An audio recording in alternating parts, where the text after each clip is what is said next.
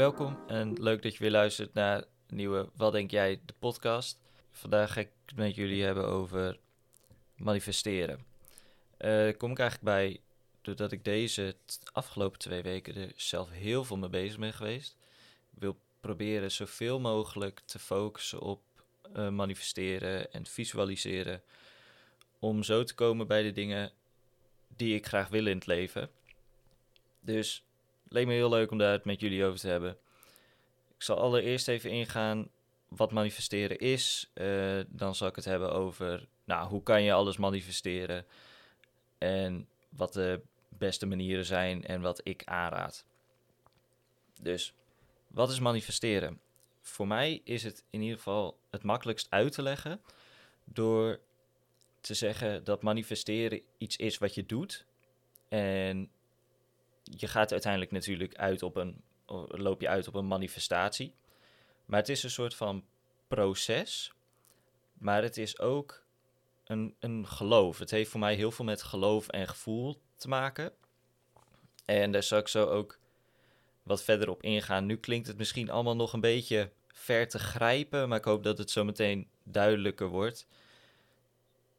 Wat je als eerste, wat belangrijk is bij het beginnen met manifesteren, is je doelen duidelijk maken. Want als jij niet weet wat je wil, dan heeft het manifesteren helemaal geen nut. Want dan manifesteer je alleen maar dingen die je niet leuk vindt en daar heb je helemaal niks aan. Dus zorg dat je of op papier of ergens gewoon even opschrijft van hey, dit is wat ik wil, dit is hoe ik mijn leven eruit wil hebben zien. Zodat je op die manier echt goed kan manifesteren. Dus hoe begin je daar eigenlijk mee? Ik zelf, ik, eh, ik begon allemaal met boeken lezen en uh, over het hele visualiseren en nadenken over je doelen. Um, daar zal ik nu niet volledig op ingaan, maar daar heb ik heel veel uit geleerd. En alles wat ik uit al die boeken en wat ik van anderen heb geleerd, uh, bundel ik allemaal een beetje samen naar mijn eigen idee. En dat raad ik je dan ook aan. Het is kijken wat werkt voor jou. Wat is voor jou fijn? Want dat gaat heel veel invloed hebben op hoe lang je het uithoudt. Want het is iets wat leuk hoort te zijn. Dus je, en het is ook iets wat je langdurig eigenlijk consistent moet doen. Dat, uh, om eigenlijk het beste resultaat te krijgen. Want anders dan is het gewoon een beetje zonde van de moeite, zeg maar. Dus ik ben vooral begonnen met affirmaties opschrijven. Dus ik, ik was gewoon hele A4'tjes aan het opschrijven met hoe, wat ik wilde zijn, uh, waar ik eigenlijk waar ik dankbaar voor was. Ik schreef het in een manier waarbij ik zei van ik ben zo blij en dankbaar nu het zo is dat punt punt punt en dan kan je gewoon invullen wat jij wil. Dan zit je meteen in het gevoel van hey, ik manifesteer iets, je bent dankbaar, dus dan zit je al meteen op het goede gevoelsniveau. En doordat jij dat de hele tijd naar jezelf blijft herhalen, ga je het op een gegeven moment geloven. Dus dan heb je het geloof er weer in. Want je trekt niet aan wat je wilt. Want als jij de hele tijd blijft zeggen dat je iets wilt, dan blijft het altijd in de toekomst. Maar als jij gaat geloven dat je zoiets al hebt of bent, dus eigenlijk als je er dankbaar voor bent, dan trek je het naar je toe. Dus dan trek je het naar het heden. En dat is denk ik een heel groot verschil. En dat is ook wel even iets waar je misschien twee keer over moet nadenken.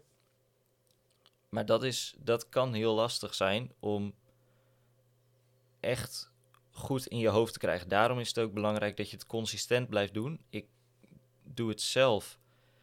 Uh, elke ochtend en avond lees ik, lees ik allemaal affirmaties door. En daarnaast ga ik ook altijd, ochtends en s avonds, visualiseren. Dus dan visualiseer ik al mijn grootste nou, doelen eigenlijk. En door te visualiseren maak je eigenlijk zo'n affirmatie een beeld. Dus dan kan jij het gevoel, naar mijn mening, ik kan het veel beter beleven. En ik kan me er veel beter in verplaatsen. Je kan alles precies inrichten zoals je wil. Je kan, is jouw mind. Je kan precies gaan bedenken van, hé, hey, wat is nou eigenlijk het gevoel hierbij? En welke mensen wil ik om me heen? En wat is belangrijk voor mij? Dat is eigenlijk wat visualiseren zo mooi maakt. Je kan alles zelf bedenken. En ja, de, de mogelijkheden zijn eindeloos eigenlijk. Wat jij, alles wat jij jezelf oplegt aan restricties, dat is hoe ver je kan gaan. Er is niks te groot. Dus met de affirmaties en het visualiseren trek je dat gevoel en dat zijn eigenlijk van je doelen, trek je daarmee aan en je hebt het geloof nodig om het vast te houden. Als jij namelijk niet het geloof hebt, dan is het gevoel er ook niet. Dan kan je er wel blij van worden, maar als je daarna direct denkt van, oh nee, dat wordt hem toch niet. Ja, dan, zoals ik al zei, dan heeft het eigenlijk geen nut. Je zal in het begin, zal je echt wel een beetje tegenstrijd krijgen met jezelf, want het is eigenlijk een beetje, nou, zoals wat je normaal misschien zou doen, een beetje tegen, tegenstrijdig. Maar geloof me, het gaat heel veel deuren voor je openen. En het heeft mij al heel veel mooie dingen gebracht en mooie mensen in mijn leven. En dat is denk ik toch wel het belangrijkste. Dus wat ik sowieso aanraad is om één keer per dag en sowieso is een keer je affirmaties op te schrijven. Echt te gaan kijken van wat wil ik.